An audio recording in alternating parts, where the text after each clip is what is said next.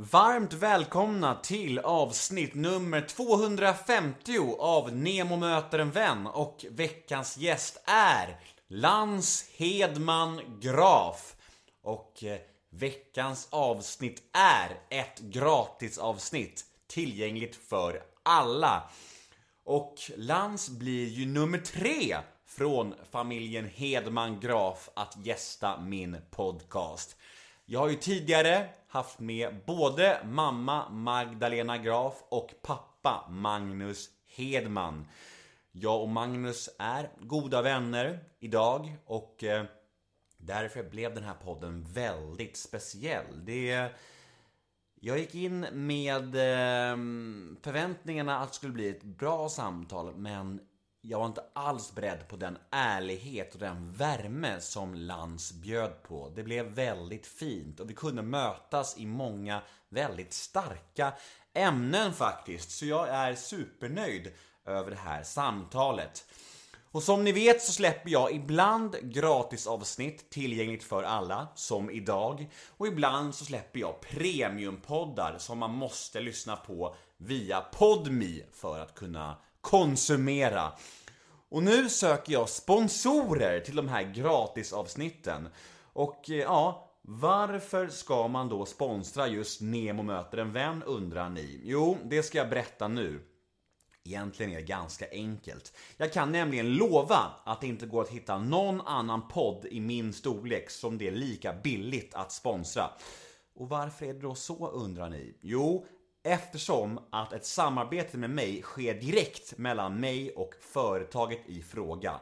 Inga mellanhänder, med andra ord, inga mediebolag, agenter, byråer eller annat folk som ska ha en bit av kakan. Så ta nu tillvara på det här tillfället. Om du sitter på ett företag som vill nå ut till mycket folk och som är sugna på att testa poddvärlden så tycker jag att ni ska ta tillfället i akt. Jag har ungefär 20 till 25 000 lyssnare varje gång jag släpper gratisavsnitt. Så ja, detta är en möjlighet, verkligen. Maila mig på gmail.com om ni är intresserade av det här så tar vi det därifrån. Jag heter Nemo Hedén på Instagram och ni får supergärna följa mig där, då blir jag jätteglad. Och ja, den här podden klipps av Johan Frid. Och nu ska jag nog sluta babbla. Nu dunkar vi igång det här som nästan är ett jubileumsavsnitt. 250, ja, nästan i alla fall. Plats på scen för Lans Hedman Graf. Rulla gingen.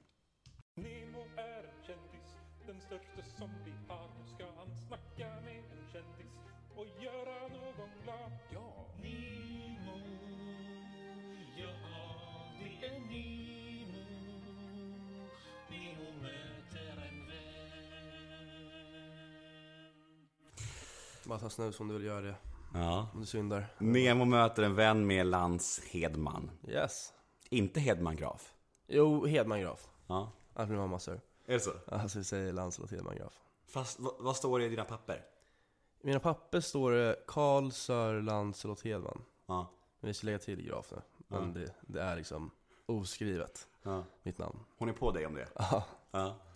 Ditt namn, jag, jag tänkte på det, det här med Sir. Ja, Vad fan är det? jag vet inte. Min, min lillebror heter ju Tristan from Avalon. Så Vadå, min, är det hans tre namn? Tristan from Avalon? ja, så det är min mamma som försökte vara lite kreativ med oss tror jag. Otroligt. Ja, väldigt kreativt. From? Mm, Tristan from Avalon. Ja.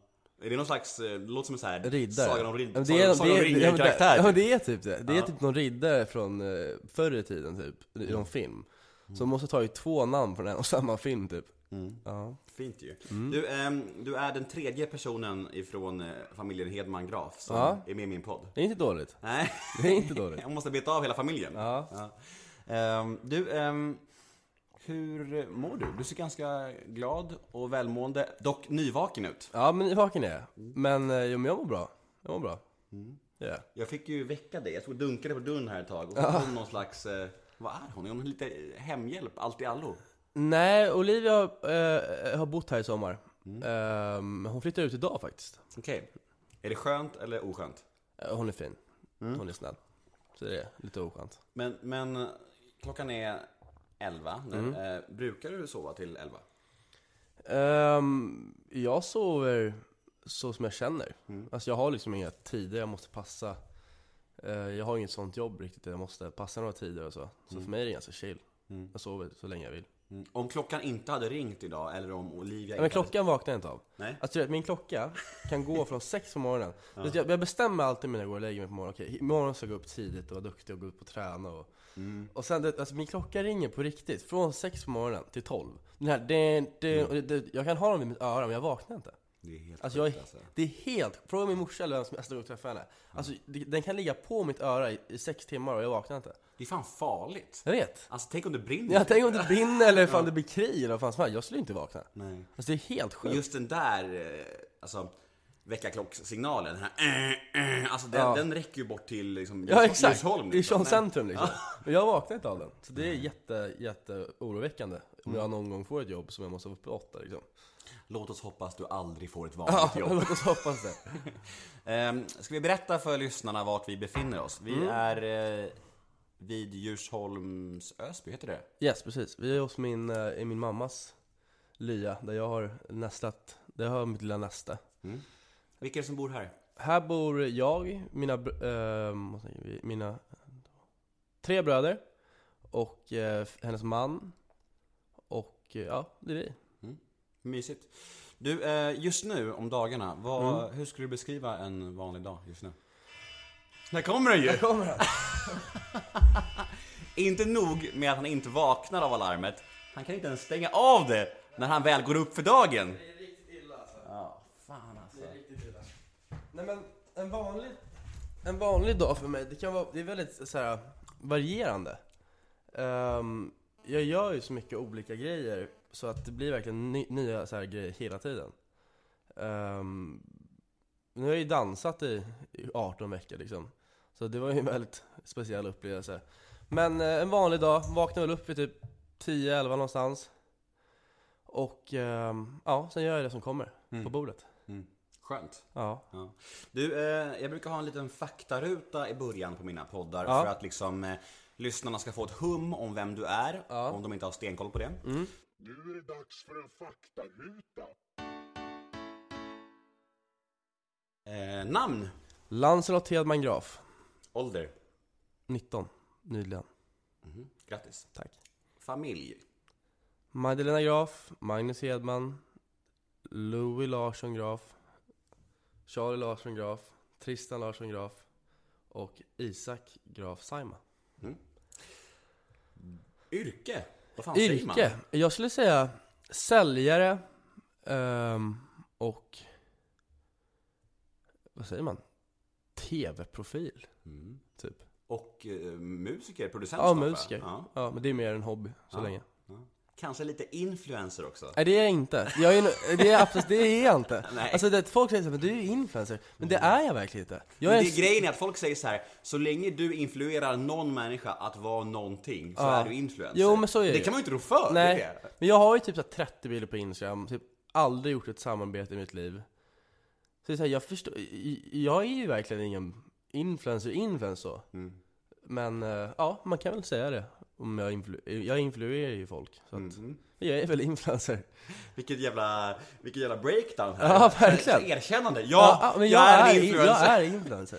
Du sa förut där, eh, när vi gick igenom din familj, Mm. du sa Tristan Larsson Graf. Han heter väl ändå Hedman? Ja, då måste jag svajat ihop det. Ja. Det var mycket barn att komma ihåg, Ja. så jag bara bombade ut dem. Jag Tristan är det. väl en Hedman? Tristan är en Hedman. Ja, ja det precis. blev lite fel där. Ja, annars blir Magnus Jag ledsen. är, jag är nyvaken som sagt. Och bor, ja det har vi ju sagt. Djursholms Ja. Ösby. Säger man så? Ja, det är ju sån. Fint ska det vara. Ja. Eh, paradrätt. Paradrätt. Mm, det betyder alltså, vilk, om du ska laga din specialitet, vad är det? Om jag ska laga min specialitet. Det är nog en eh, pasta carbonara tror jag. Vad missbrukar du? Ehm, Jag tror det ligger där framför dig va? Ja men, ja, snus. Uh, nej, Det men, ligger två dosor snus framför dig. eh, ja, det är väl eh, snus är en stor missbrukare utav. Hur mycket snusar du? Det går väl på en en, två doser om dagen ungefär. Oh shit! Ja. Kan det vara två doser om dagen alltså? Men det beror på vilket, vad jag gör. Det är mycket vad jag gör. Ja, bland folk så vill jag typ inte snusa för att jag vill liksom inte, jag får ju den här lilla läppen. Den där bruna Nej, pundarranden nej, men på det, nej, nej, det får jag inte. Nej. Men jag får den här lilla bucklan. Ja. Och det ser inte så charmigt ut. Om man Vad är värst då. egentligen? Den, den bucklan på läppen eller det här bruna bajset som Jag har, aldrig få, jag har aldrig fått bruna bajset, men jag har sett folk få bruna bajset och det är fan inte trevligt. Så jag är faktiskt väldigt tacksam att jag inte har fått bruna bajset. Jag tänker så här, om man är en tjej eh, som ska ragga på krogen, så går man fram till en kille Så det och bajs. ser Äh, man det bruna bajset på tänderna. Det måste vara det osexigaste som Ja, det, finns det ju. kan nog vara bland det osexigaste som finns. Eller dålig. Ja. Det är någon av dem två. Uh. Eller gula tänder. Eller gula tänder. Det kan Man ju. välja lite Det där. finns ju massa samarbeten på Insta nu för tiden. Jag vet, du vet ju om det där. Vi behöver, vi behöver inte oroa oss för Nej. sånt. Nej, nej, nej. Eh, snyggaste svenska kändisen? Snyggaste svenska kändisen. Uh. Uh, fan, jag hatar att svara på de här frågorna. Nu är du med i en Ja, jag podd, vet, du har jag ingen vet, val. jag vet. Sorry mannen. Nej men det är fan Sara Larsson alltså. Ja, det är ett bra svar. Är det? Vilken egenskap hos dig själv har du svårast för? Vilken uh, Har du något drag som du kan känna såhär, jag, är fan vad för, trött jag, är är på för, jag är för impulsiv alltså. Jag det är alldeles så? för impulsiv. Ge mig ett ex- exempel. Jag gör, köper dumma grejer som jag inte kan köpa. Mm. Eller som jag inte, så här, det är så här idiot, idioti. Jag, kan, jag ska boka en resa på en dag. Mm. När, jag, när jag har ett möte dagen efter så jag inte ens kan åka på resan. Alltså det är så här, jag är så idi- idiotisk. Alltså jag är så impulsiv, det är helt sinnessjukt. Jag är inte så impulsiv att jag säger grejer. Utan det är mer grejer om jag vill ha någonting. Mm. Då släpper jag inte det förrän jag har det. Och det är det enda jag tänker på tills jag har det. Mm. Alltså det är verkligen, alltså så här, Jag ville ha, eh, ha en ny bil här för ett tag sedan. Och det var det enda jag tänkte på i en, ve- en vecka och det enda jag försökte lösa i en vecka. Mm. Så att, men jag löste det. Men det är inte bra. Hur löser du det? Alltså är det, är det så att du kan, men jag vet inte, messa farsan och säga jag vill ha en ny bil?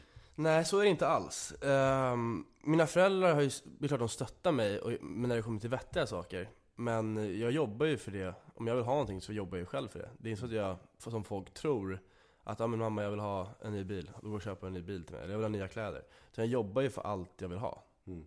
Och, ehm, ja. Mm. Så att, Ja, alltså jag förstår ju att din uppväxt är normal för dig eftersom att du inte har något annat att jämföra med. ja. Men för en vanlig människa så är den nog allt annat än normal. Mm. eh, Får man nog säga. Vart Ja. är du född någonstans? Jag är född i Sverige och sen flyttade jag till England och bodde där tills jag var 7-8 kanske. Mm. Eller i Skottland och England Mm. bodde jag i. Vad, eh, vad minns du från dina första år i livet? Alltså hur var det liksom att vara, men alltså det livet, fotbollsproffsson liksom? Mina första år i livet, alltså, som sagt, man tänker ju inte på att jag är en fotbollsproffsson då, men Nej. det var Englandperioden och Skottlandperioden var den bästa perioden i mitt liv. Det är verkligen så här. Jag ser bara lycka när jag kollar tillbaka på den tiden. Det var verkligen grymt. Mm. Det var en bra period. Mm. Vad eh, fick det dig att få så här en, ja men typ flytande engelska ganska tidigt? Ja men det fick jag. Men den, den försvinner och så, så fort jag åkte tillbaka, jag flyttade till Skottland och var där i tre månader för ett tag sedan. Eh, och då kommer den tillbaks. Men nu är den helt katastrofal. Men bara jag är där till ett tag så blir den bra. Mm. Har du några vänner kvar där borta? Jag har massa vänner där. Ja, ja. Jag är så nyfiken då på det livet. Alltså, alltså, jag fattar att det liksom inte är, att det för dig inte är så jävla spännande kanske att prata om. Men det här, det är ju ändå ett jävla extravagant liv liksom. Det här Ja. att vara son till en fotbollsproffs och artist liksom, och där borta. Vad, hur, hur såg dagarna ut? Var, liksom, var du med på matcherna mycket eller så här? Hur, hur funkade det liksom? Alltså det var väl, för mig var det ett vanligt liv. Det var så här, gick i skolan, det var både ett jätte, jättebra område, det var så här, det var massa ungdomar i vår ålder så att det var liksom så här Gemenskapen i det området var verkligen helt sjuk. Mm. Eh, Det går inte att jämföra med någon annanstans i Sverige. Det var så här, man åt middagar varje, varje helg, hela, så här, alla vänner och föräldrarna krökade tillsammans. Och, och vi ungdomar hä- hängde hela tiden. Och då bodde spelarna i ett område typ eller? Nej, det var inte spelarna, det var bara det själva området. Ja, okej. Det var så här ett inhägnat område, det var typ så här 20 hus. Mm. Och alla var grymma vänner. Mm. Så det var så här, helt, det går inte att förklara den gemenskapen, det är som en film typ. Hur blev det liksom med eh, att din pappa var eh, proffs och din mamma, hon var väl egentligen bara hemmafru? Antar jag då eller? Ja, det tror jag. Ja. Jag tror inte jag gjorde någonting. Fick hon dra ett tungt last tror du eller? Med barnen tänker jag. Eh, Då var vi inte så, just den perioden var vi inte så många barn. Det var ju jag och min, lill, jag och min storebror i början. Mm. Sen när vi skulle flytta hem när jag var typ Sen var det min Tristan då som kom när jag var typ sex någonstans tror jag han kom. Mm. Så det var ju bara jag och min storebror liksom. Vad tror du att du har ärvt från din mamma och respektive pappa? Både bra och dåliga sidor. Min mamma har jag ärvt min impulsivitet av. ehm, har jag gjort. Hon är också lika impulsiv som mig. Och min pappa har jag ärvt min ADHD av. Ehm, vilket jag ser som en bra och dålig egenskap. Mm. Alltså både impulsivitet och ADHD är ju både bra och Ja, dåligt. exakt. Ja. Exakt. Vad, ehm, vad eh, tror du mer att du har ärvt från dem? Vad- Um, vad kan jag mer ha ärvt? Ja, men pappa och jag är ju väldigt lika som personer. Vi är ju verkligen så här. När vi pratar, när vi pratar om hans barndom, som han var som person, då är jag typ exakt samma person. Mm. Och mamma är, det är ju mest det impulsiva och många bra egenskaper också. Mm. Som eh, jag inte kommer på exakt nu. Men ehm, jag, jag är typ som mina föräldrar. Mm. En blandning av dem. Vad var du för typ av unge? Hur var du som barn? Alltså, om typ vi säger lågstadiet, mellanstadiet. Vad var du för typ av kille? Um, lågstadiet var jag väldigt duktig. Um, skötte skolan och så. Högstadiet, i, när min storbror gick bort så blev jag väldigt stökig. Så under den perioden var jag väldigt, väldigt stökig. Ehm, jag var typ så stökig så jag fick knappt gå in i skolan typ. Jag fick sitta i en sal utanför skolan. Ehm, så att i högstadiet var jag väldigt stökig. Och sen skippade gymnasiet och då blev jag, då hittade jag mig själv igen och blev duktig. Hur var det att flytta hem till Sverige då? Sen? Var det, hur gammal var du då? Ehm, då var jag väl runt 7-8 någonstans. Ehm, jag tror att när jag, flyttade hem, när jag flyttade hem till Sverige så kunde jag inte ett ord på svenska. Är det sant? Alltså jag kunde inte svenska. Men snackade inte dina föräldrar svenska hemma med Det är dig? det jag inte fattar. För att, du vet, eh, jag pratade med polare som jag lärde känna då. Och de var såhär, du, alltså det gick inte att prata med dig. Jag hade ju sån grov brittiska så de förstod ju inte min engelska heller. Alltså jag, I was like this mate, yeah! Jag, alltså, det var verkligen grovt. Men jag förstår inte varför jag inte kunde svenska. Jag kommer ju från en svensk familj, jag bor med en svensk familj. Men jag gick ju i engelsk skola, hängde bara med engelska människor. Så jag tycker det är verkligen det är skumt att jag bara kunde engelska. Jag måste nästan fråga din Ja, du måste nästan göra det, vad fan är det som händer? Det hade varit skitmärkligt om två svenska föräldrar pratade engelska Jag hemma vet, jag också. vet, det är verkligen weird alltså. Det är Eller jättekonstigt. så gjorde de det för att de trodde att ni skulle bli kvar i England Ja. för alltid liksom. Ja, så kan det ju vara också. Ja. ja, det är märkligt. Ehm, Men vad tänkte du om livet då? När du gick i, om vi säger mellanstadiet och så här och högstadiet. Vad, vad hade du för drömmar och vad ville du bli?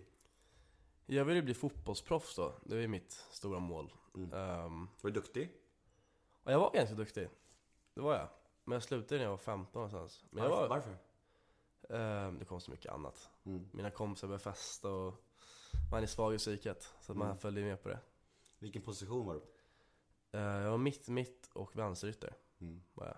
Spelar du någon fotboll idag eller? Nej, det är jag inte. När jag gjorde den här Let's Dance eh, hjärtkontrollen Mm. tyckte de att jag hade en kondition som en åttaåring. Va? Ja, Det är sant? jag tror inte det var så bra ifall jag låg ute och sprungit på planen just nu.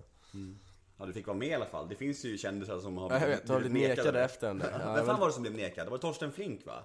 Ja, det var det nog. Fan vad deppigt Ja, alltså. verkligen. De har verkligen sett- fram till någonting. Då vet man att man har levt hårt. Ja, det vet man. Ja. All right, men ska vi snacka lite om, om Let's Dance? Eh, var, var det självklart för dig att ställa upp? Nej, det var det inte. Inte alls. Uh, Hur gick tankarna? det folk kanske inte tror om, alltså jag är jag, det folk kanske inte tror om, det är att jag är väldigt så här. Jag är en blyg person. Jag är en jätteblyg person. Jag hatar att så här, att, sy, alltså att synas. Som när vi spelar in min serie, då blir jag så här. Jag, jag kan inte fi, bli filmad framför folk. Det är det värsta jag vet. Så att när jag fick den där dance jag bara, aldrig i mitt liv. Det var min mamma som sa det till mig, jag bara, jag kommer aldrig göra det här. Men sen så lurade hon in mig, hon är ju bra på att luras mamma. Ja, de ville det. Mamma ville. Ehm, så att det var mamma som fick in, fick in mig på att göra det. Ehm, och sen så, ja, bara slutade det med att jag stod där i en trikå, trikå och tajta byxor och dansade, cha liksom. Var farsan lika pushande på att göra det? Farsan var typ så här, han brydde sig typ inte så mycket. Mm. Men när jag väl sa ja till det, då blev han ju helt insatt. Han var ju där lika mycket som jag var typ. Han var ju där varje gång. Han var ju verkligen varje där fredag. varje gång. Missade han någon? Det var han, Helenius och Tilde Paula som var där liksom. Var Magnus där varje gång? Ja, han var där varje gång. Otroligt. Han missade inte en enda gång. Nej. Men det är ju så, folk var så här, men vad gör han, alltså folk blir ju så här, vad gör han där liksom?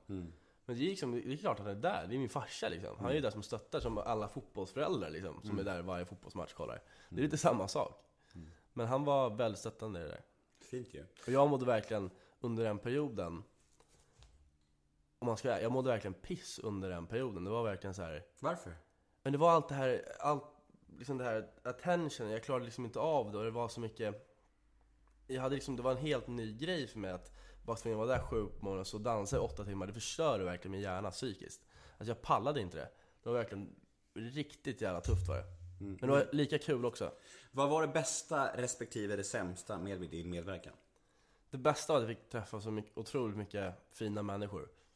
Ehm, Min danspartner och alla som dansade liksom. Grymma, äh, verkligen kul att lära känna så mycket nytt folk.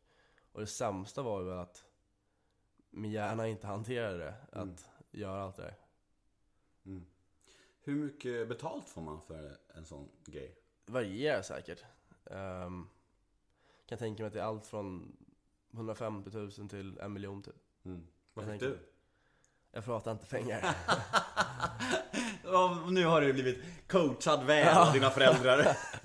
är det det enda... Coachat sen dag ett Ja, precis. Är det det enda du inte pratar om? Ehm, Jag pratar om materiella grejer Men inte siffror Nej. Jag tror att eh, det är också så att de, de flesta som har berättat sitt arvode i min podd, alltså Let's Dance-arvode, det har ju ofta blivit en liksom, artikel om det. det blir, tidningarna är ju väldigt heta på att skriva om just det. Ja, de gillar det Ja, Så du är nog rätt i att inte kommentera det, Ja. om du vill slippa en artikel. Ja. Ja. Då bangar jag den Du kan berätta för mig sen. Ja, jag berättar efter Utanför off-cam, podden. off-cam. Och så klipper du in lite Land tjänade 348 000 Exakt. Gissa hur mycket mina lyssnare hatar när jag säger sådär. Vi kan prata om det sen, utanför podden. Ja, det måste jag ha på det Ja, de blir tokiga. Jag tänker mig Men, det kan ni ha! Något måste vi spara till sen också. Mm. Verkligen Efter kaffet sen. Ja. Ja. Ehm, Men är du bitter över att du inte vann? Du kom trea va? Kom trea, precis Mm. Då var, alltså det var så här, det var blandade känslor Självklart var det jättekul att komma till final Men å andra sidan, jag trodde inte en chans på jorden skulle komma trea heller Mm. Så här, jag, alltså jag var helt bombsäker på att slå ut bland de första Men, eh, så var ju, jag var ju glad att jag kom så långt Men det var ju synd att man inte kom till final, så det var så här, Mm. blandade feelings Har du dansat någonting efter det? Förutom när du står på krogen och vevar med armen och packad? Nej, ibland, vet, ibland kan jag, när jag är lite så småpackad och eh, ska vara lite såhär, ja men fan, jag har ju dansat. Då ska jag alltid, då, då kan jag ge bort mig ganska betalt ibland. Så var en gång jag skulle, gjorde det, jag var packad och bara, men jag ska lära dig dansa. Och skulle jag lära någon dansa och så halkade jag till och landade rätt på ryggen. Och det var så pinsamt. Och, jag- nej, så jag skippar dansa efter faktiskt. Men är det många tjejer på krogen som kommer fram och bara säger Ja men visa mig dansmovesen då? Det händer ofta. Det är typ en gång varje gång jag går ut. Det händer väldigt ofta. Jag, ah. Men jag har ju fått för mig, det, man är packad och får lite självförtroende, då tror man att man är såhär, men fan, cha-cha, alltså visar man lite. Men det går ju inte. Nej. Det är bara, det försvinner Det är som att, ge mig ett exempel. Men jag tror att många människor tror att man är bättre på saker full för att det känns så. Men det är man ju aldrig. Nej man är ju aldrig det, det spelar ingen roll vad det Det är bara är. någonting man tror för att det är lite skönt att vara full. Så jag har lärt mig i alla fall, dansa inte på fyllan. Hur är du på krogen? Hur Ehm. beter du dig? Är du så här lugn eller är du helt vild eller Det beror på... Casanova? Det beror på varför, alltså det är så här. Ja, jag är väl... ehm, det beror på vad jag känner när jag går ut. Ibland är jag jätteglad, då är jag, dricker jag och blir, har kul liksom och pratar och är rolig. Ibland dricker jag mer för att jag mår skit. Och då ehm, blir det att man är tyst och i bakgrunden liksom. Så det är hur jag mår liksom. Du, eh, sista frågan om Let's Dance. Eh, har du kontakt med tjejen du dansade med? Ja, vi pratar lite då och då. Mm. Vad heter hon? Linn va? Linn, precis. Vi pratar då och då. Mm. Cool. Du, eh, vi ska snacka lite om eh, din eh, pappi, din pappa. Eh, jag är ju aktiv inom samma 12-stegsgemenskap som han och vi är ganska bra vänner. Ja. Eh, alltså vi, ja, vi, som jag nämnde till dig tidigare så, nej men vi, vi går på samma möten liksom. För att behålla vår nykterhet. Eh, vad Han hans... frågar dig ofta, äh, ofta här. Vet folk om att han har gått ut med det? Ja, ja, ja, ja, ja, gud ja. Han, eh, han är ju superöppen med det. Mm. Och eh, satt ju även, det var ju det jag berättade för dig, att han satt ju i Tilde där och pratade om eh, det här, vad heter det, Tilde, klockan halv fem så på TV4 så pratade han om att det var i min podd som han, eh, som han fick insikt om vad beroendesjukdomen var. Ja. Så det var därför han liksom sökte hjälp. Ja, så det var väldigt fint. Men, vad min fråga var så här. När han mådde som sämst i sitt, i sitt missbruk, var det någonting som du märkte av? Ja, det är liksom... Jag var ju... Under den perioden så var jag väl typ... Det var väl typ från jag var 10 till 15 i princip. Så det är ju en sån här ålder man verkligen Det är känsligt. känslig liksom. Ehm, och ja, det är klart, jag, det var ju, jag märkte ju verkligen av det. Men jag ville typ inte märka av det. Så man försökte ju trycka undan det. Ehm, och sen var det ju, ja, det var ju en jobbig period liksom. Man blir väl lätt så. Jag har ju själv vuxit upp med en eh, missbrukande pappa som är nykter och drogfri idag Mm. sen, sen tio år. Men man blir väldigt så här. Man kastas ju mellan eh, Dels så förnekelse, man förnekar det kan inte vara så illa. Och, och dels så här blir man så arg Ja. och ledsen och, och man blir beskyddande. Och man, blir så här, det blir, man hoppar runt där liksom. För man vet inte vad man ska känna. Nej. Man är ju ett barn liksom. Ja. Man har ju ingen relation till just missbruk heller. Så man, fatt, man fattar ju ingenting. Jag fattade ingenting. Det enda jag visste var att min pappa var liksom annorlunda mot andra pappor. Ehm, finns det någon, något speciellt minne som sticker ut som var extra jobbigt? Det var när han råkade köra in i McDonalds-kuren. För att... vi, eh, det är en ganska jobbig historia. Vi, jag kom hem från skolan så mådde han ganska dåligt. Så skulle han köra mig till fotbollsträningen. Och... eh, När var det här typ? Det här var väl typ, det här var länge sedan. Um, kan ha varit 11 någonstans, 2011. Ehm, och sen så skulle vi köra in och beställa mat, för jag skulle träna. Och så körde han rakt in i den här McDonalds-kuren. Det var det roligaste. Eller det var inte roligt då, men nu i efterhand när man tänker på det kan det vara lite kul liksom. Eh, Det är ett minne som jag har. Men jag har mycket minnen från det där. Jag minns ju typ allt. Det är typ det jag tänker på när jag tänker på min barndom. Pratade Men han? idag är han så jävla mycket bättre. Ja. Alltså idag är han verkligen den bästa pappan som går att ha. Han är grym. ja, jag vet det. Han Jag, jag, som sagt, grym, jag alltså. är, går ju på samma möten som honom så jag vet att han är, han är fantastisk. Mm. Han hjälper jättemycket människor och inspirerar jättemycket människor. Eh, Men jag blir alltid nyfiken på och, och hur det var förut också. För det blir sådana kon- kontraster mot idag liksom. Eh, Men vad fan, McDonalds-skylt. Ja, man, man vet inte, man, det är både, både komiskt och sorgligt på samma gång. På samma liksom. gång. Eh, Men hur har, hur har Magnus eh, förändrats sen han styrde upp sig? Alltså dels hur han har förändrats och dels hur er relation har förändrats. Men vår relation, alltså... Jag försökte inte, ha- jag, så här, när jag var yngre, så jag försökte ta hand om min pappa liksom. Jag ville inte erkänna för mig själv att han mådde dåligt, fast jag visste om att han mådde dåligt. Så att det var mer att jag liksom, jag var mer så här beskyddande och försökte, så, här, så fort någon sa någonting så började jag lite så här, började bråka med dem och så fort, alltså, så, här, så fort det var det minsta, jag var ju beskyddande. Eh, och försökte ta hand om honom. Ehm, men, så att det var liksom, ja, jag vet inte hur jag ska förklara det. Pratade han någonsin med dig om hur dåligt han mådde? Eller Nej, var han också bara, det är lugnt, det är nej, lugnt, han, var, han var lugnt"? väldigt, eh, han var väldigt så här, ge- han sa ingenting till oss. Ehm, så att, jag vet inte hur jag ska förklara det. Vi, jag kan inte, jag tänker tillbaks på det. Jag minns liksom inte grejer som vi pratade om. Jag minns inte våra konversationer för de var så flummiga. Jag minns mer liksom vad som hände. Allt som hände, så här, varenda grej som har hänt kommer jag ihåg exakt. Jag minns när polisen kom hem, jag minns när, vi, när han alltså, låg i soffan. Jag minns, alltså, jag minns allting. Alla bilder som jag inte vill minnas, minns jag. Men konversationer och sånt där minns jag liksom inte. Eh, jag vet inte varför det är så, det bara är så. Um, Vad hände när polisen kom hem? det var, det var så här, jag stod och hoppade studsmatta med alla mina polare. Så yrde snuten in liksom. Det blir så här, Eller, De är bara här för att checka elementen sa jag till mina polare typ. Det är ofta polisen kommer för att kolla elementen. Ja exakt, men jag sa något sånt. Ja. Alltså, det var ju så här, återigen beskyddande, man ville, och och polarna, bara, polarna visste ju, för det stod ju i varenda tidning. Men jag försökte fortfarande säga nej. De bara, men han tog några tabletter. Jag bara, ah, så var det inte riktigt. Han eh, tog en proteinshake då det råkade vara något fel i den. Jag försökte alltid så här vrida och vända på det. Men, eh, ja, jag hade ju min storebror som också var väldigt stöttande i det där. Ehm, och liksom förklarade för mig vad jag skulle göra och inte göra. Ehm, och idag är vår relation spotless. Det är den bästa, alltså det går inte att ha. Vi har en grym relation. Vi pratar hela tiden, vi är, jag vi är med varandra hela tiden och han hjälper mig i allt. Och hur märker man på han eh, personligen tydligast att han mår bättre? Hur, vad är skillnaden liksom? Det är som natt och dag eller? Ja, det är som natt och dag. Idag, alltså, förut kunde han ju sova i två dagar. Ehm, och vi hade bara Coco Pop som mjölk hemma liksom. Ja. Ehm, men nu, alltså han är ju verkligen en helt annan person. Han är uppe varje dag, tränar mer än mig, är bättre kropp än mig, lever hälsosammare än mig. Ehm, så, det är så här, det går inte att jämföra. Fan vad glad jag blir att höra det.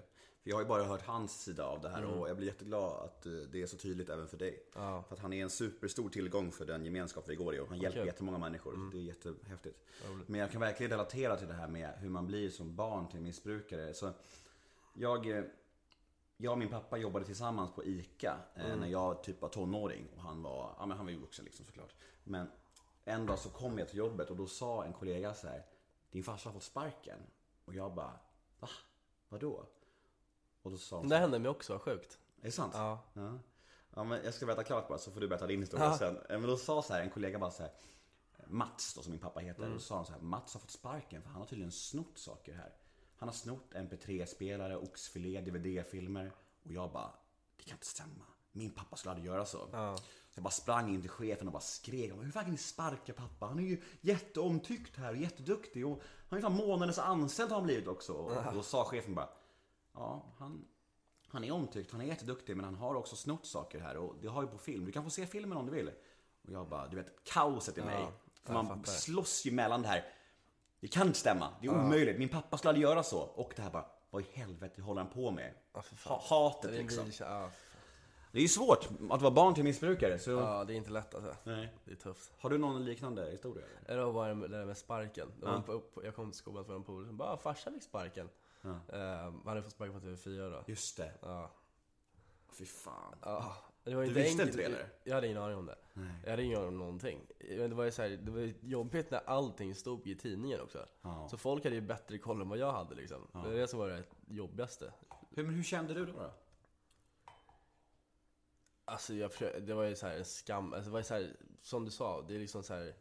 Man vet inte hur man känner, det bara blir, det bara sprängs Mm. inombords igen. Så fort man får höra grejer.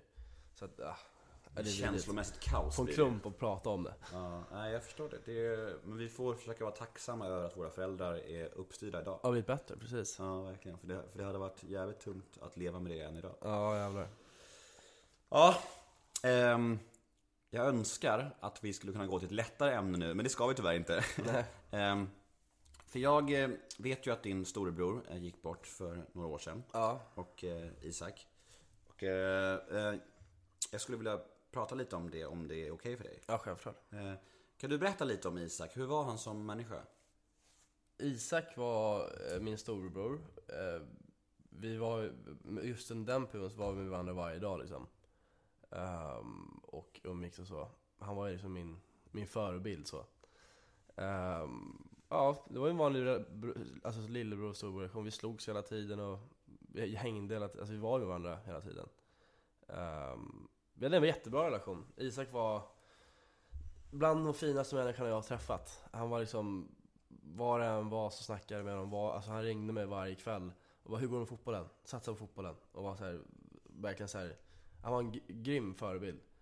Ehm, ja, och sen så blev det som det blev. Hur många år äldre var han än dig? Vad, han var, måste tänka, fem år äldre. Ja. Det är som mig och min lillebror Tristan. Samma ålder. Du, eh, vart var du någonstans när du fick reda på att han hade gått bort? Som tur var jag inte hemma hos mamma. Det är jag väldigt tacksam att jag inte var. Varför är det tur? För de kom ju och knackade där på morgonen när alla var hemma liksom. Ah, shit. Ehm, knackade på dörren. Polisen? Ja, när alla var hemma och uh, såg polis komma in. Alla stod där och väntade liksom, på vad man skulle säga. Så jag är väldigt tacksam att jag inte var där. Jag var hos farsan så att eh, jag satt i mitt rum och spelade. Uh, körde till skolan. Ehm, och så bara satt, satt han i soffan så här. Och så gick, kom vi ut och så berättade för oss. Och då, efter han berättade för oss blev det bara helt, jag minns ingenting vad, vad jag gjorde då. Då blev det bara helt svart. Och sen var vi hemma från skolan i typ så här åtta veckor. Ehm, och så bara satt vi, och så, jag kunde inte göra någonting. Jag, jag, jag spelade GTA under den perioden. Och jag, jag kunde inte göra någonting. Alltså jag kunde inte säga, för GTA skjuter man ju och, och sånt. Alltså jag, kunde inte, jag kunde inte verkligen inte göra någonting. Hoppade jag från ett flygplan eller någonting, blev jag livrädd bara tänkte jag på någonting. Alltså allt jag gjorde tänkte jag på honom. Så, så det slutade med att jag spelade typ såhär Teletubbies eller något riktigt skitspel bara för att det... Något helt hjärndött. Exakt, något, exakt. Ehm, så det var bara så här, de veckorna är helt svart i mitt huvud. Ehm, och sen så, jag vet inte, jag har liksom aldrig... Jag tror att det är därför jag är som jag är idag också. Att jag har liksom väldigt mycket ångest liksom hela tiden. Ehm, och jag tror det, det i grund och botten är liksom varför jag har all den ångest jag har idag liksom. Har du någon gång pratat med någon professionell om, om ångesten? Så här? Te- Terapeut eller vad som helst? Jag gillar inte att prata med folk. Nej. Ehm, Nu pratar du med mig nu. Jag pratar med dig nu, men att gå till någon så här, det säger min pappa också att jag ska göra, men det är så här. Det har aldrig varit min grej. Jag gjorde det precis när han dog, några veckor efter. Men jag, jag alltså det är så här, det är inte min grej. Hur, hur mådde Isak sista tiden? Han, han hade en egen lägenhet och jag vet inte vad, så här, Jag vet inte. Han, jag, jag, jag ser mig själv i honom nu när jag blivit lite äldre. Jag tänker väldigt ofta såhär, okej var det så här han tänkte? Jag så- kan känna igen mig i honom på något sätt. Jag fattar vad han menar när han har sagt såhär, men fan jag mår lite dåligt nu och Så jag, så här, jag vet inte. Det är nu när jag blivit äldre så jag börjar så här förstå mer och fatta mer. Har det någon gång blivit klargjort vad som egentligen hände? Nej, aldrig. Är inte det jobbigt att ni inte vet? Leva i den här ovissheten? Nej. Ehm, jag har, bör- jag har så lärt mig, jag och min bästa kompis Linton, hans mamma dog ju också i, i samma, samma period. Hans mamma dog ett, ett år innan min brorsa. Och vi har snackat så mycket om det här med döden. Så att, det är klart, det är tr- tråkigt att förlora en familjemedlem, men jag är inte rädd för döden längre. Inte alls. Och vi, här, när vi pratar om döden, jag och han, när folk så här, när de kommer fram till oss och blir så här, för vi, jag vet inte, vi har liksom blivit så rubbade av det. Alltså vi har blivit så här, Avtrubbade? Exakt, vi har blivit så här. Så när någon börjar prata om döden, då börjar vi garva. Alltså det är så här, jag vet inte, vi har fått en så så här. Vi båda har, han har liksom förlorat så mycket folk och vänner och Så vi båda har blivit så här helt, jag vet inte, hjärntvättade, jag vet inte vad jag ska säga. Man kanske blir det om man upplever ett sånt trauma, tänker Ja. jag. Att man liksom blir lite avtrubbad inför det. Ja. Och det är säkert på gott och ont, tänker jag. Ja, Och eh, det kanske också är en sån grej som du om, om många år kanske du känner att du vill prata med någon om det. Ja, exakt. Man vet ju aldrig liksom. Exakt. Du är fortfarande så pass ung liksom. Men, men alltså. Du berättade om eh, dagen du fick reda på det. Och eh, hur kände du gentemot dina syskon? Och din, framförallt då din eh, bror Tristan. Alltså, kände du ett ansvar att du behövde ta hand om honom? Eller hur kändes det? Ehm, jag har alltid tagit hand om mina bröder. Jag kommer alltid ta hand om dem. Så att det var bara att man behövde vara lite, lite extra hand, lite mer helt enkelt. Hur var begravningen? Den var jättefin. Klerup var där och sjöng. Um, det var en fin begravning. Det. Du, eh, vi ska leka en liten lek som heter antingen eller. Antingen eller. Mm, går ut på att jag säger två stycken alternativ och du ska säga vad du föredrar helt enkelt. Okej, kör. Let's go. Är du med? Ja.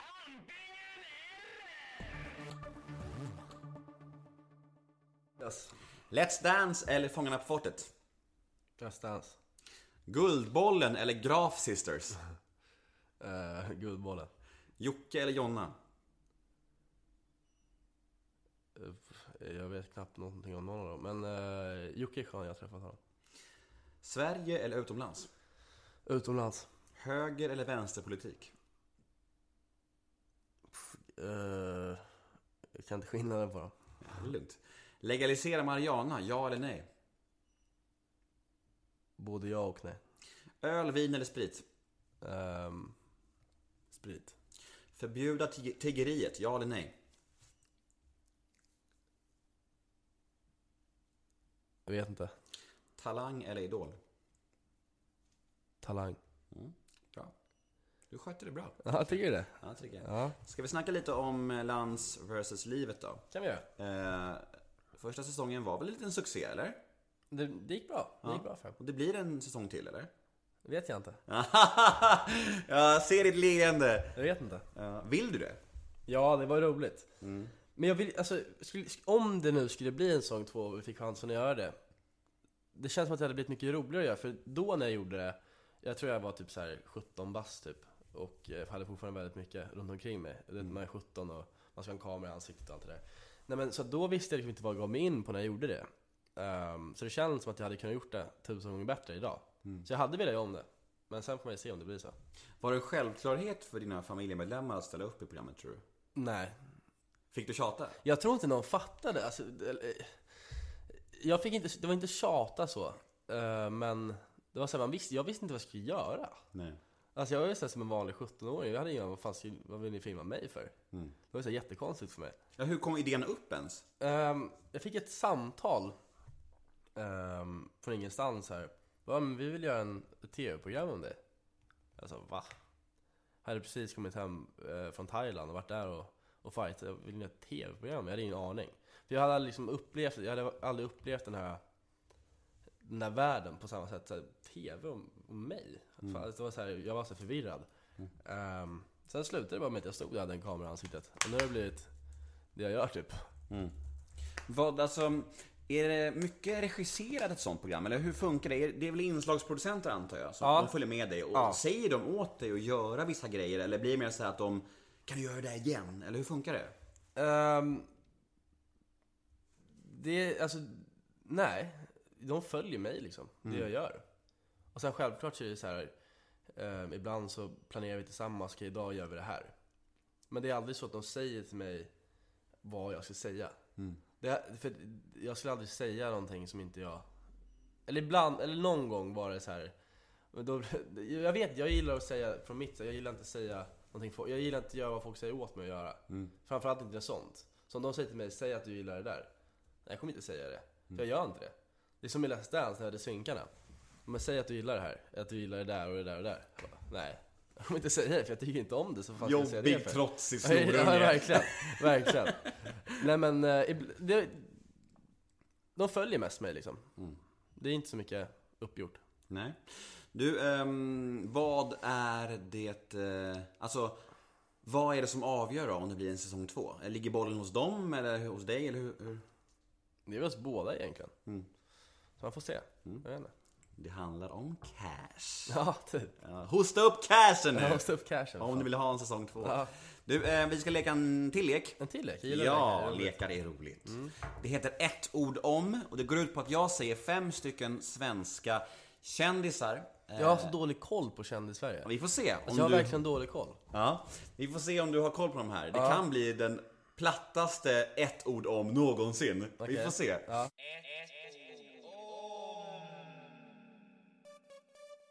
Men jag säger en svensk kändis och du ska säga det första ordet som kommer i ditt huvud när du hör namnet. Okej. Är du med? Jag kanske behöver tänka, jag måste tänka efter vem det är då.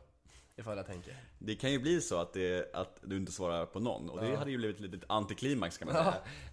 Ehm, ett ord om Alexander Bard. Bra klädstil. Det är inte ett ord. Okej, eh, skägg. Ja, bra. Jimmy Åkesson. Mustasch. Ja, Han hade det en period va? Jag vet inte. Tänkte på en mustasch när jag sa hans namn. Bianca Ingrosso. Snygg. Leif GW Persson. Legend. Alk Schulman.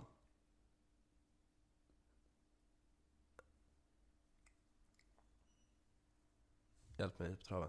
Eh, Alex Schulman är, eh, men han, eh, poddare, författ, Ja, författare. den jäveln! Alex och Sigge. Den fuckern alltså! Gillar- Han, det, du- han, det, mina polare har berättat om att han har suttit i en sån här livepodd och så har han haft mig på en storskärm. Och så har han pratat om mig, men jag vet inte vad han har sagt. Jag är jävligt intresserad av vad han, vad han har sagt. Så jag säger... Um, vad ska jag få komma för ord till honom? Um, nu går det så i min hjärna. Han, eh, ett ord. Um, klubbrig. Mm, bra. Han brukar ibland lyssna på min podd vet jag, så om Mm. han hör det här så kanske Ja, han... då, då vill jag att du hör av dig till mig. Alex, Alex, Alex Schulman. Alex Schulman. Eh, Då vill jag att du hör av dig och så vill jag att du berättar vad du sa i den här podden. För det, alla mina polare var på den här showen och jag är den enda som inte vet vad han sa. Men han- Det var någonting om att, att jag inte har insikt på min värld. Det var jätteweird, jag fattar Ja, inte själv. vi får väl se om han snappar Intressant. upp det här. Ja, snappa upp det här för fan. Han kanske snappar upp det här och pratar om Jag vill veta, jag är jätteintresserad. Ja. Du, ehm, ska vi snacka lite om musiken då? Mm. Vad, eh, hur kom intresset till musikskapande till och sådär? Ehm, jag har alltid haft svårt att uttrycka mig. Ehm, och sen så var det min kompis Linton som, ehm, som så här, sa att han men ladda ner det här programmet, och så gjorde jag det. Jag vet inte, på något sätt så kunde, i början då, så var att jag uttryckte mig i ljuden på något sätt. Det är jättekonstigt förklarat, men jag liksom så här, det kunde vara ett känsligt ljud. Och så här, det var, men det var så här, jag försökte uttrycka mig i ljuden på något sätt. Ehm, och det var i början, och då gjorde jag techhousemusik. Så det blev liksom, musiken var väldigt så här mörk. Det var så jag, alltså det blev väldigt mörk musik, för det var så jag kände. Ehm, och sen så började det med att Linton började skriva musik och blev lite mer poppig. Jag bara, fan jag vill inte göra det här. Tycker det är skittråkigt. Jag ville göra så mörk eh, lokal musik liksom. Ehm, och sen så började jag göra det också och började skriva musik. Och det var bara en helt, annan grej. Man skrev liksom ut alla sina känslor. Jag vet inte, så det blev något sätt för mig att liksom bara få ut allt skit jag hade i min hjärna och um, lätta på hjärtat liksom. För när jag var yngre hade jag min thaiboxning som fick mig att göra det. Och sen så dippade jag med det och inte gjorde det så mycket mer. Och då blev det bara att jag hittade det här. Och det, det, alltså för mig, jag gör det bara för att jag tycker det är kul. Jag gör inte det för att jag vill ehm, så här, leva på någonting. Jag gör det för att jag tycker det är kul. Men hur går det till då? Sitter ni ihop och spånar och, och liksom Alltså gör ni det själva eller tar ni hjälp utifrån eller hur går det, Det är till? helt blandat. Alltså, ibland sitter jag och gör en låt helt ensam och ibland är det jag och Linton som gör en låt och ibland har vi någon, eh, vi, har- vi har ju ett team på fyra stycken när vi väl sätter oss och gör en låt liksom. Då är det jag, Linton och sen en kille som heter Niklas som är en låtskrivare och sen en kille som heter Kevin som sjunger och skriver låtar. Ehm, och, Är det han Kevin Högdahl? Precis, precis. Ja. Ehm, och de, det blir ju mycket enklare när man är fler liksom. Det blir mer idéer och det blir liksom en, en roligare process för man är fler och det blir en mer kreativ process. Mycket mer hjärnor bakom det, så det blir mer liksom som händer. Men eh, jag eh, gör mycket själv också. Men jag håller mig mest till den här lite hårdare typen när jag sitter själv. Det svajar alltid över när jag sitter och börjar med en poplåt så blir det så här, ah, fan, lite techhouse-ljud i det här varit där. Sen slutar det med att det är en techhouse-låt. Så jag har svårt att sitta och göra en poplåt själv, det har jag. Du bara, det här är alldeles för ljust. Jag måste mörka Ja, ner det exakt, här. exakt. Jag måste ner i min Batcave och dra på mörka Ja, men det stråkar och... Jag har fått lägga in mycket inputs nu, så det kommer komma mycket mörk musik framöver. Det kommer mycket, så här, mycket deppiga stråkar och melanko- melankoli Ja, och verkligen. Så här, symfoni. Du, ehm, vi har ett gäng lyssnarmail som vi ska beta av så här avslutningsvis. Ja, okej. Första mejlet lyder så här. Hej Lans, berätta om din relation med Pau. Hur träffades ni? Varför tog det slut? Vad är det bästa och sämsta med henne? Um, alltså under den, jag var ju så här. Jag kan ehm, jag var väldigt ung när jag träffade henne. Alltså jag var ju verkligen så här ett omoget äpple om man säger så. Jag var ju ett barn liksom. Ehm, så att vi träffades när jag var, jag tror jag precis hade fyllt 17. Hur? Jag hade smugit in på en bar och så var hon där. Ehm, och jag, vet, jag var med ett gäng polare och sen så slutade vi, vi surrade bara. Ehm, och jag var ju såhär, shit det är Pau. Henne runka till jag var 13. Men du fattar vad jag menar? Det var ju såhär, men det, det var så, du fattar vad jag menar? Och det var så här lite coolt. Um, jag vet inte, och sen så slutade vi, vi surrade. Ehm, och sen så snackade vi lite så här, över någon vecka och sen skulle jag till Thailand, eller jag minns inte exakt, det var så länge sedan. Um, och skulle jag till Thailand så tror jag hon hakade på. Om jag inte minns helt fel. Ehm, ja, och sen tog det ju slut. Det var ju mest för att jag var ung och liksom det var mitt första förhållande. Jag hade aldrig haft ett förhållande, så vi höll ihop i typ sex månader i alla fall. Åtta månader, tror jag. Ehm, och jätte, vi hade en jättefin relation oss två emellan. Ehm, men som sagt, jag var väldigt omogen och väldigt ung. Hur var hon som flickvän då? Jag tror inte hon är rätt flickvän för någon som är 16 och aldrig har haft ett förhållande tidigare, det tror jag inte. Ehm, jag tror att det är en fin tjej, alltså hon är en jättefin tjej, jag har inget illa att säga men jag tror jag var lite ung. Eller jag var lite ung. Var det ömsesidigt att bryta det? Det var mer, alltså, så här, det var mer separationsångest skulle jag säga. Man är, vi hade ju varit i Thailand tillsammans jättelänge och hängt väldigt länge. Så jag tror mer att det var separationsångest. Mm, nästa mail lyder så här. Lans, när ska du flytta hemifrån? Jag håller på att kolla på nu, jag var faktiskt på lägenhetsvisning igår. Ehm, så att det ligger sig i en kort framtid. Spännande. Vart eh, är drömstället att bo på? Ehm, jag hade velat flytta permanent till Marbella, det vill jag. Men eh, man måste ju vara realistisk. Och, ehm, så jag, jag tror... Jag vet inte vart jag vill bo. Typ Östermalm någonstans har varit schysst. Mm. Varför just Marbella? Jag älskar Marbella. Jag har varit där i så många år nu och eh, vi har ju så mycket vänner där nere och min familj har ju bott där ett tag också. Mm. Och mina kusiner bor ju där, eller har bott där. Um, flyttade hem nyligen. Um, så jag vet inte, jag, jag, jag det är mitt andra hem liksom. Mm. Jag gillar det. Cool. Eh, nästa mail lyder så här. Har du lyssnat på din mammas musik någon gång? Jag växte upp med Graf Sisters. Jag har lyssnat på min mammas musik, det har jag gjort. Jag funderade, precis när jag började göra musik så ville jag göra en remix på den. Men de hade tappat bort alla vokaler och allt skit. Så det gick inte att göra. Men jag har lyssnat på den. Mm. De är ju... De, är, de gör ju sin grej liksom. Mm. Jag kan inte hata på det. Eh, mail nummer fyra. Är det bra eller dåligt att ha kända föräldrar? Ehm, det är väl bra och dåligt, skulle jag säga. Det bra är väl att man får, om man vill gå på, när man var lite yngre, eller om man vill gå på Gröna Lund gratis, eller så här, på event, eller så här, när man vill göra någonting, då är det alltid underlättade det ju. Men sen var det ju väldigt mycket nackdelar också, framförallt när farsan mådde dåligt så. Mail nummer fem. Hur ser du på framtiden? Drömmar och mål? Frågetecken. Ehm, jag vet inte, jag tar dagarna som de kommer. Ehm, och, ja, jag vet inte. Drömmar och mål. Hatar den frågan. Ehm, Tycker du det är jobbigt att tänka på framtiden? nej, men jag gillar liksom, jag, tänk, alltså, jag, vet inte, jag gillar att tänka för dagen. Mm. För det blir verkligen annorlunda hela tiden. Ehm, så att, ja, jag får väl se Mm. hur det slutar. Det kan man svara, det är helt okej. Eh, mail nummer 6. Hur går det med thaiboxningen? Är du aktiv? Kör du mycket? Varför just thaiboxning? Um, jag valde thai, jag testade ett thaiboxningspass precis när min surbrorsa, eller några, några månader efter han hade dött. Och jag, det kändes bara som att allt mitt hat, all min, så här, allt, jag var ledsen. Jag bara tog bort hela hjärnan i en timme när jag tränade. Jag vet inte, så blev jag manisk på det, jag älskade den känslan så jag fortsatte. Och sen så som jag sa impulsivt, jag flyttade till Thailand när jag var typ 16 eh, och bodde där ensam. Um, precis hade fyllt 16 så jag, ju, jag förstår inte mina föräldrar att man gör det nu jag tänker tillbaks på det. Mm. Men sen flyttade jag dit och var där ensam och ehm, körde det konstant. Mm. Men nu så har jag väl haft en liten dipp. Sak, så saknar du inte? Ja, men jag har ju hittat min an- andra liksom, sätt att ändra på det. Så jag, Ut- Uttrycka sig. ja, så jag det blir det istället nu.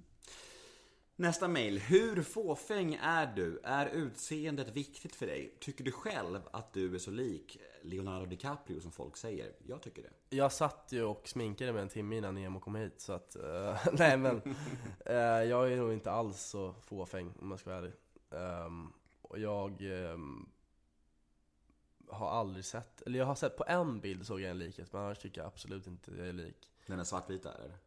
Det var en bild som jag såg för några år sedan ehm, Som jag tyckte jag var, som jag bara, är det här jag? Blir jag då. Och så är det en annan bild när när han sitter riktigt, som mina polare skickat till mig. Men jag trodde de hade photoshopat in mitt ansikte på. Men det var ju inte jag heller då. Men jag tycker inte jag, på så här, jag tycker inte alls att jag är lik honom nu. För nu är jag spritfet och mullig. Du får börja med thaiboxning. Ja exakt Eh, mail nummer åtta. Hej Lans. Med tanke på din pappas historik inom Mm. missbruk, hur ser du själv på alkohol och droger? Vad har du för relation till det? Är du extra försiktig med tanke på Magnus historia? Ehm, jag är väl... eh, Jag, jag, klart jag är extra försiktig. Min, jag har ju sett det här i min familj liksom, så jag, det är inte så att gå och testa droger så. Eh, jag vågar inte. Men... eh, ja, jag är försiktig. När mår du som sämst respektive bäst? Ehm, ja, ehm. jag vet inte, jag mår väl som bäst när jag är med min familj, typ. Eh, och uh, sämst när jag är ensam. Jag klarar inte av att vara själv. Mm. Jag, jag klarar inte av att vara själv. Jag måste alltid vara med någon. Hur hanterar du den här ångesten idag som du har ändå pratat om ganska mycket i den här podden? Att du har en ganska kontinuerlig ångest, alltså regelbundet. Hur hanterar du det när det blir som värst? Liksom? Vad gör du då? Jag vet inte hur jag ska hantera den, för jag vet inte var den kommer ifrån. Det är det som är så klurigt. Men eh, jag vet inte. Hur jag, jag försöker bara surround myself with good people. Mm. Hur är det just precis nu? Um, men nu sitter jag och pratar så jag tänker på någonting annat. Mm. Men eh, efter så kommer jag väl försöka hitta på någonting. Mm. För att inte vara ensam liksom. Mail nummer 10. Skulle du hoppa in i Paradise Hotel eller något liknande program om du fick förfrågan? Har du fått frågan? Jag skulle aldrig hoppa in i ett sånt program. För om jag fick 10 miljoner imorgon cash skulle jag inte gjort det. Alltså, Folk tror såhär, vad fan ska jag vara med i Paradise? Folk tror om mig, men jag är verkligen den sista människan på den här jorden som skulle göra det. Jag förstår inte varför folk tror, om, tror det om mig heller. jag, jag skulle aldrig göra det. Never. Jag tror att det beror på att du... eh, Kan ha varit tillsammans med någon som varit med där. Ja, dels det, men också att du har ett sånt utseende som skulle passa in där. Ja, jo. Inte jag lite så här nice boy för att vara med där? Det är mycket så tatuerade. Jag är också tatuerad i och för sig. Exakt. Jag fattar exakt vad jag gör. Fan, jag är ju en Paradise Hotel-kille fan. Du är ju det. Jag är ju det. Sorry, hate to break it to you man, men Men så är är det. det. Ja. Ehm, mail nummer 11. Ehm, berätta om din stökiga högstadieperiod. Ja, jag är också lite nyfiken på det. För att jag, du snuddade vid det förut. Ja. Men, men hur kunde det se ut just då, när det var som värst? Vad var det som var så stökigt? Ja, fan. ehm, ja, det, det var väl en... eh, jag vet alltså, det var väldigt stökigt. Um, Slogs du? Slogs aldrig riktigt varit min grej, eller säga som en fa- thaiboxat. Men eh, jag, vet, jag vet, jag var väl, jag umgicks väl med fel folk liksom och ehm, gjorde en massa dåliga grejer. Typ, Kan du ge något exempel? vad fan ska jag ge för exempel? Men säg något som du Eh. verkligen ångrar och som du inte kan stå för alls idag. Jag, det jag har mest ångest över den perioden var, det är att mina föräldrar fick vara oroliga för mig också då. Mm. Att eftersom jag, så fort han dog så blev jag helt eh, fucked också. Ehm, det, det är det jag har mest ångest över, det är att mina föräldrar fick gå igenom hela den här grejen igen och vara oroliga för mig. Istället för att vara en stöttande son och hjälpa dem och liksom vara snäll, jag, inte göra dem otrygg i, i den perioden. Men istället då väljer jag att göra dem otrygg, det är det jag har mest ångest över faktiskt. Över, den, över det. Var det mycket alkohol och droger och sånt? Nej. Nej. Sa han och blinkade. Nej, det gjorde jag inte. Det gjorde jag inte alls det. Nej, okej, okej, okej. Ja, men jag ska inte fråga mer om det. Jag märker att det är en liten öm tå. Och det, du kan få skriva om det i din självbiografi om, om 50 år. Ja, om 50 år ja. Om 50 år. Du, eh, avslutningsvis så har vi någonting som heter Nemos känsliga fråga. Som eh, vanligtvis är en lite känsligare fråga helt enkelt. Ja.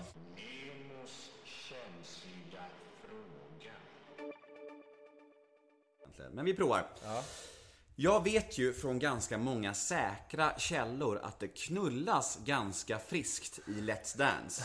Att många är otrogna i det programmet och att det pippas en hel del backstage. Framförallt med folk som tränar och dansar ihop. Okej. Var detta något som du märkte av? Du vet, när jag var med i programmet, det var det jag tänkte på mest. Jag bara, när börjar pippandet tänkte jag. Inte att jag skulle göra det själv, men jag tänkte när märker man av det? För jag har ju hört historier om att det var folk som gjorde det i soffor och det var tydligen helt crazy. Den här säsongen, jag pratade om produktionen, eh, de som jobbade där, ehm, och det var tydligen, det här var en lugn säsong. Så jag fick aldrig uppleva den här... Du bara, synd! Ja, nej men jag fick liksom aldrig se det här vad folk hade snackat om eller Dance knullprogram. För det var inget, jag, jag kan inte säga att det var ingen som knullade men Ingenting man märkte av. Så att, ehm, Sa han med liten besvikelse i rösten. nej men... Det var eh, därför jag sa ja till programmet! det var ju där, nej men precis. Ehm, nej men jag märkte inte av det. Ehm, så att, um, det var ju, ja, synd vet jag vad jag ska säga men ja. Du, eh, vi börjar bli klara. Ja, Hur känns det här? Jättebra, jag vet att prata, med det. Eh, jag vet att du var lite nervös och lite obekväm innan. Och du frågade mig vad vi skulle prata om och så här. Men jag tycker du skötte det väldigt bra. Vad kul, tack. Faktiskt. Ehm, Du om- också. Tack så jättemycket. Eh, följ Lans på Instagram och eh, följ mig. Jag heter Nemo Hedén där. Och säger vi stort tack till Lans Hedman Tack så Graf. mycket för att du kom komma, tack. Hej då! Hejdå!